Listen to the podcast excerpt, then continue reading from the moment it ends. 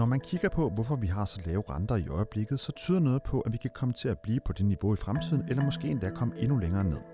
Så lyder det fra Frederik Ingholm, chefstrateg i Nykredit. Hør mere om lidt. Vi skal passe på med at tænke, at når renten kommer tilbage på højere niveauer, så falder det hele fra hinanden. For det kan være, at vi ikke kommer derhen lige forløbigt, hvis nogensinde lyder det videre. Det kigger vi på lidt senere i programmet. Det vil kunne betyde stigende renter og mere gang i væksten, hvis regeringer verden over satte sig for at bruge nogle flere penge. Hvad det går ud på, kan du høre mod slutningen af udsendelsen. Du lytter til Investor Insights fra Nykredit. Mit navn er Kasper Sagmann.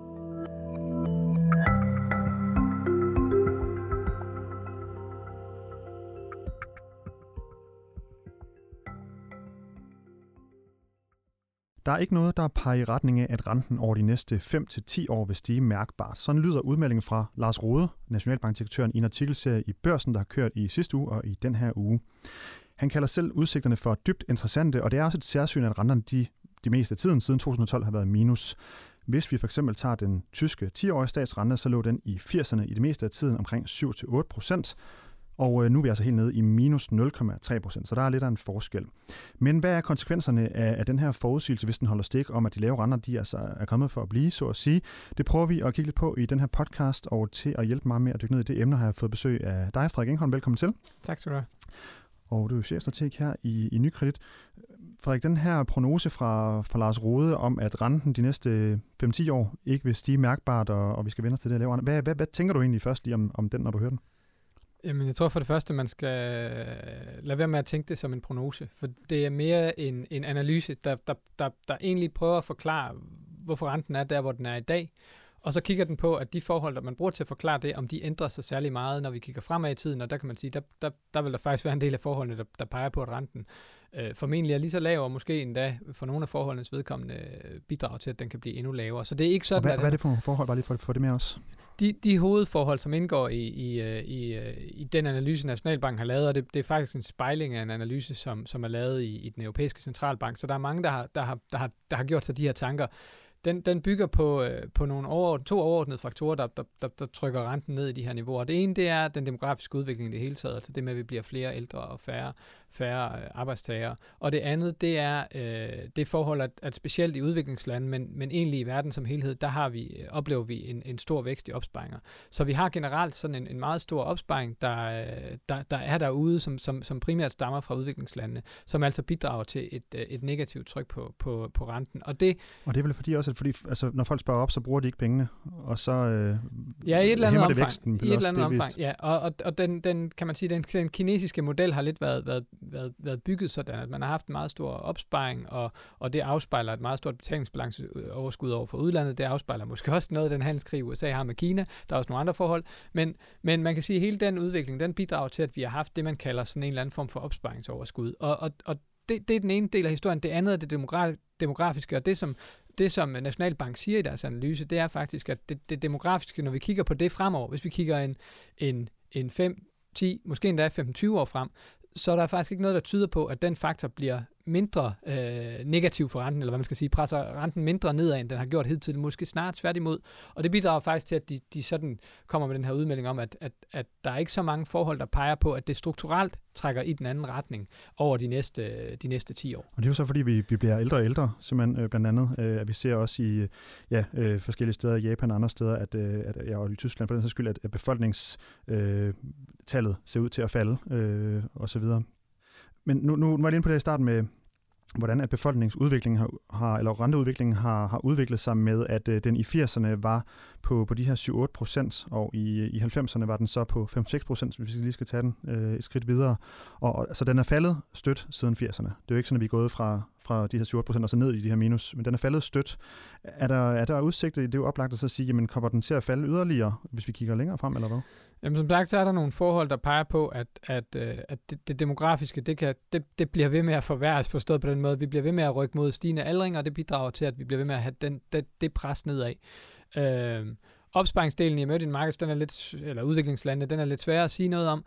Øh, sådan, når man kigger længere frem, demografien har jo den fordel, at vi kender dem, der er født i dag, og ved noget om, hvordan øh, den gennemsnitlige levealder og sådan noget er, så vi kan lidt tegne et billede af, hvordan det ser ud fremadrettet. Og de faktorer, den, den, faktor, den faktor med, med demografien, den bliver altså ved med at trække nedad. Så, så, så, så det er sådan det strukturelle billede. Så er der også andre elementer, for det. jeg synes, det, der er vigtigt at fremhæve her, det er, at det Lars Rode ikke siger, det er, at vi ikke overhovedet kommer til at få nogen bevægelser i renten de næste, de næste fem år. Han siger bare, at vi ikke kommer til at få et, et, et, et renteniveau, der er mærkbart højere. Vi tror stadigvæk, at de sådan, øh, mere kortsigtede økonomiske øh, og, og, og, og, og, og rentemæssige spilleregler gælder forstået på den måde, at når vi bevæger os ind i det, man vil kalde den sidste del af et økonomisk opsving, altså der, hvor, hvor, hvor der begynder at være sværere at finde den arbejdskraft, man skal bruge, lønningerne begynder at stige noget mere, så oplever vi det, som vi plejer at se, det som vi allerede har set i USA, nemlig at centralbanken begynder at hæve renterne. Øh, og den proces plejer at føre højere renter med sig. Det gjorde den også. Det blev bare stoppet af en handelskrig øh, fra Trump i særdeleshed, som, som påvirkede væksten negativt, og som fik Federal Reserve i USA, centralbanken der, til at gå den anden vej og begynde at sænke renterne igen. Og så fik vi, kan man sige, et, et, en bevægelse nedad igen. Men man kan sige, at der er nogle mere kortsigtede, det man kalder cykliske faktorer, der sagtens kan betyde, at vi over en periode på en, en 2-3-4 år kan opleve, at, at rentebevægelsen går den modsatte vej af stigende, at vi får højere både øh, renter fra centralbanken og også, øh, også øh, 10-årige renter. Men det, det overordnede, sådan, det bagvedliggende øh, naturlige niveau, man kommer til at ligge på, det ligger markant lavere, og det bliver der ikke formentlig lavet om på de næste mange, mange år. Så det niveau, vi skal svinge omkring i gode og dårlige tider, det ligger altså meget lavt øh, i øjeblikket. Så at vi nogensinde kommer tilbage til sådan et, øh, et niveau, der over en 10-årig periode, som i 80'erne ligger på en 7 procent, det, det, det ligger langt ud i fremtiden, kan vi vel godt sige. Ja, det er der ikke nogen tvivl om, og man kan sige, at den måde, man styrer øh, man siger, politikken på i det hele taget, gør det måske også sværere at nå til de niveauer. Man er blevet endnu mere fokuseret på at, at prøve at forankre inflationsforventninger på nogle lavere niveauer. De var lidt højere dengang, så, så, så, så i det hele taget bliver det vanskeligt med det system, vi har i dag i hvert fald, at nå, nå, nå tilbage til den historie. Det er der sikkert også mange, der, der er glade nok for. Øh, jeg tænker, at det her med, at når renterne er så lave, så øh, vil det jo også betyde, at øh, måske obligationer bliver mindre attraktive, og det er heller ikke måske så smart at have penge stående i banken, hvis de er negative renter i hvert fald. Hvad betyder det for den måde, I vil, øh, den I, måde, I, I tilgår investeringsmarkederne på, øh, at, at, der er, at vi er i det her lave renteniveau, der ser ud til at fortsætte? Øhm, Jamen, jeg, jeg, der, der, er, der er en række effekter af det her. Man kan sige, der er både for, for, for, for sådan et samfund som helhed, har det nogle effekter, at, at, at de aktiver, de, øh, den del af økonomien, der er mest påvirkelig over for lave renter, de, den bliver naturligt øh, hjulpet mest, og, og, og derfor ser vi også en effekt på boligpriserne, som i nogle storbyer er, er relativt høje. Det er ikke nødvendigvis det samme, som det er en boble overhovedet, fordi det er relativt billigt at sidde i, i, i dyre boliger i dag, fordi renterne netop er presset så meget ned. Men det har i hvert fald den effekt, så prøver man fra Nationalbanken og andre sider at måske lægge lov på, hvor, hvor, hvor voldsomme prisstigninger bliver ved at regulere, hvor meget har man lov til at købe bolig for. Øh, men, men, men det har den effekt, at det medvirker til at presse, presse huspriserne og boligpriserne opad generelt. Derudover så kan man sige for investeringsmarkedet, så vil der være en tendens til, at når vi står i en situation, hvor folk de, de, øh, de oplever meget lave renter, så vil de tendere til at kigge efter et eller andet sted, hvor de kan få noget afkast. Dem, der måske tidligere har investeret i statsobligationer, begynder at kigge efter noget andet, måske det, der hedder for eksempel virksomhedsobligationer, hvor man får en lidt højere rente, eller nogle mere risikable virksomhedsobligationer, og, og dem, der måske ikke er tilfreds med den stadig i historisk kontekst lave renter, man får øh, på, på den her slags øh, investeringsaktiver, de begynder måske at tænke, jamen så vil vi hellere have nogle aktier, selvom vi godt ved, at risikoen er lidt højere der. Og det er jo det, der er en af de farer, folk ser for sig, når de snakker de lave renter, at folk tager i virkeligheden nogle risici, der er større end dem, de har lyst til at tage, fordi de simpelthen ikke kan få noget afkast, hvis de placerer pengene så sikkert, som de egentlig øh, måske har lyst til at burde gøre i forhold til deres mavefornemmelse. Så det er på en eller anden måde det, der er, det, der er opgaven. Men det betyder også, at når vi kigger på markedet, så tager vi jo med i betragtning, at der er et eller andet når renterne kommer ned på meget lave niveauer, så er der et eller andet skift, en eller anden øget efterspørgsel efter nogle af de aktiver, der leverer et, øh, et, lidt, højere, et lidt højere afkast. Og, og, og, og det tager vi selvfølgelig med, når vi kommer med vores kortsigtede vurderinger af, af markedet, altså at der vil være den her bevægelse hen i nogle, nogle, øh, nogle, øh, nogle skift, kan man sige, i markedet.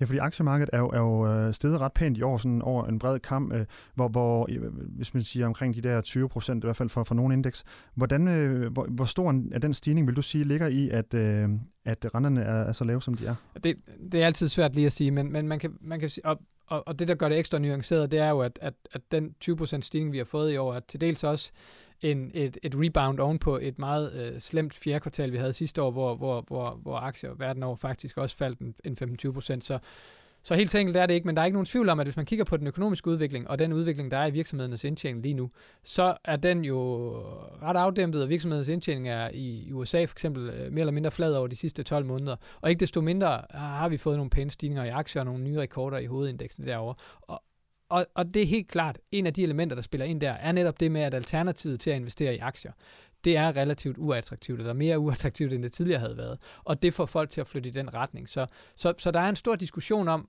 om værdiansættelsen af aktier, altså hvor meget man giver for, øh, for, for indtjeningen i selskaberne, om, om, om, om det er en god parameter at bruge, eller fordi der ser aktier måske på nogen, på nogen måder meget dyre ud.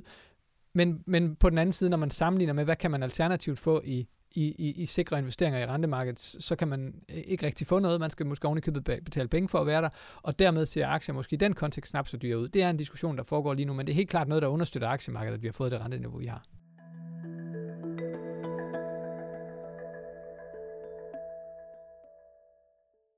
I den her øh, artikelserie, der har været i børsen, der er der også, øh, der taler Lars Rode også med blandt andet med, med Bo Fode, der er direktør i ATP Pensionskassen og, og nogle andre øh, der. Og øh, Bo Fode netop øh, er ude også at udtrykke en, en vis bekymring for de her lave renter, hvor han siger, at lave renter over lang tid har den fare i sig, at vi bliver risikoblinde. Og så fortsætter han, der er helt klart segmenter, hvor vi skal være opmærksomme på de potentielle opbygninger af bobler, der flyder rigtig meget likviditet ind i alternative aktiver, hvor der er meget hård konkurrence om de attraktive investeringer, især hvis de har et grønt islet. Og det er jo også, nykredit investerer jo også i, i alternativer, men hvordan tænker I omkring øh, det her med, øh, hvor meget fylder det omkring den her, den, den her mulige opbygning af nogle bobler, fordi folk simpelthen øh, i deres jagt på afkast tænker, nu skal vi prøve noget andet end, øh, obligationer og så videre? Men alternativer er et af de andre steder, hvor det er meget direkte, øh, kan man sige, øh, hvor der er en meget direkte effekt af, at, at, at, øh, at renterne er lave. Dels fordi, at det, det, man opnår i alternativer, tit er et, et sådan lidt obligationslignende afkast, altså et fast afkast over meget lang tid. Man binder pengene i længe, og så opnår man et, et relativt fast afkast over lang tid, men et, der typisk er noget højere end det, der er i obligationsmarkedet, netop fordi man ikke kan komme af med det her aktiv så hurtigt. Øhm, det er noget, man skal være opmærksom på i det marked, som i de andre markeder, der er positivt påvirket af lave renter, og tænke om, om, om, om den udvikling, vi står i, om, om det er en, der kan risikere at vende rundt, og dermed ændre efterspørgselen i det marked meget hurtigt. Og det er selvfølgelig nogle overvejelser, der også bliver gjort sig, når man laver øh, investeringer i det marked her hos os. Øh, det, det, det gælder over en bred kamp, at, at, at der er nødt til at være en relativt stor fokus på, de risici, der er ved lave renter, men vi er også nødt til at vente om at sige, hvis det er, som Rode siger, at, at det her måske er normalniveauet, så skal vi passe på med hele tiden at tænke, at når renten engang kommer op på det niveau, den havde engang, så falder det hele fra hinanden, for det kan være, at vi aldrig nogensinde kommer derop igen, eller i hvert fald ikke gør det de næste mange, mange år, eller kun gør det meget gradvist over øh, 20-30 år måske.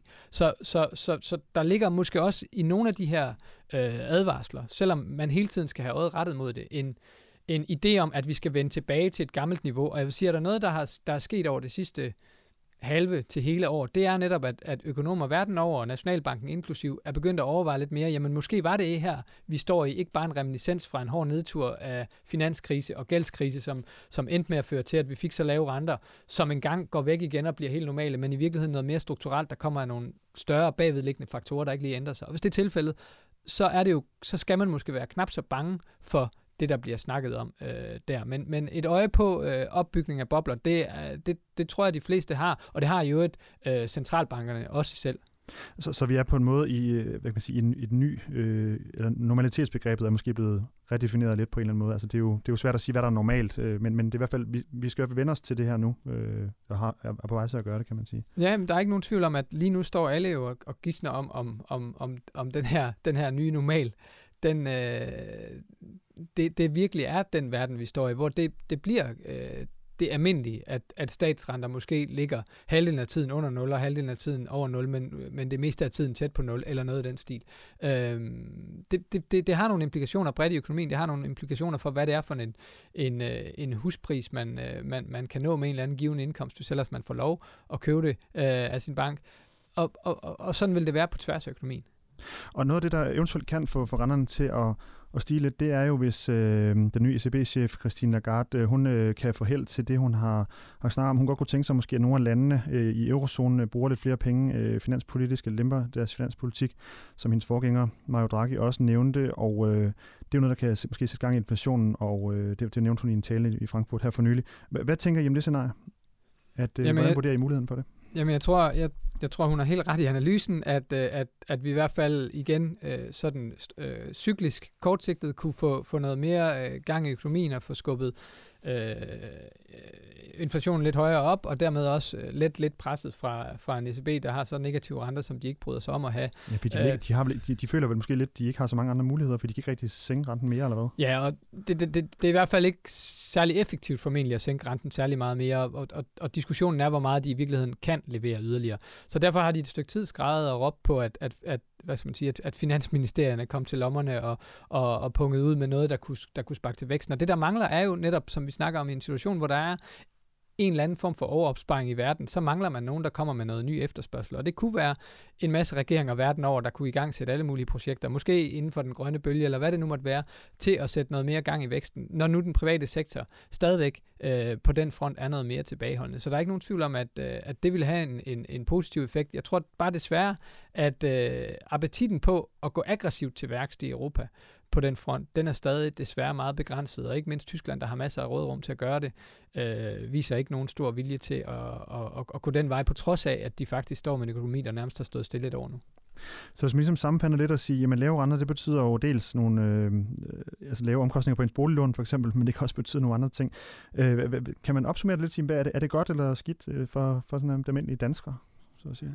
Jamen, det, det, det er lidt svært at sige det her. For, for rigtig mange helt almindelige danskere har det en meget tydelig positiv effekt, som du siger, men man kan se, at man betaler lidt på sit boliglån. Der er en negativ effekt af, at man til gengæld kommer til at få et lavere afkast på sin pensionsopsparing. Den kigger mange ikke så tit på, så derfor øh, føles det måske rarere, den besparelse, man får på boligsiden. Og så, og så, øh, og så kan man sige, så udtrykker det nok på en eller anden måde, at, at, at i hvert fald til dels i Europa, at, at vi har et system, der ikke, synes jeg, fungerer så godt i forhold til, at man ikke får, får leveret helt den offentlige efterspørgsel, der bør være der, når den private halter en lille smule. Og det er det, som, som Lagarde og, og, og Draghi i ECB har, har påtalt nogle gange, at der kunne vi altså godt ønske os noget mere. Det er lidt det system, man har bygget op, øh, hvor der er nogle grænser for, hvad, Øh, en række lande kan gøre, øh, der holder os tilbage, og dem, der egentlig har mulighederne, de er ikke villige til at bruge det instrument. Så, øh, og så kan man sige, så investeringsmæssigt, så har det jo heldigvis bidraget til, at man på en række aktiver har fået nogle ret pæne afkast øh, øh, i, en, i en, ikke kun i år faktisk, for bevægelsen har jo været der over flere år, men i en periode, hvor, hvor lave renter har støttet op om,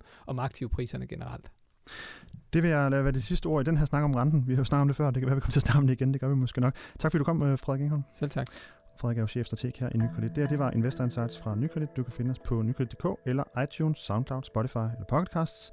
Hvis du har idéer til emner, vi skal tage op i podcasten, så kan du sende mail til podcast Tak fordi du lyttede med.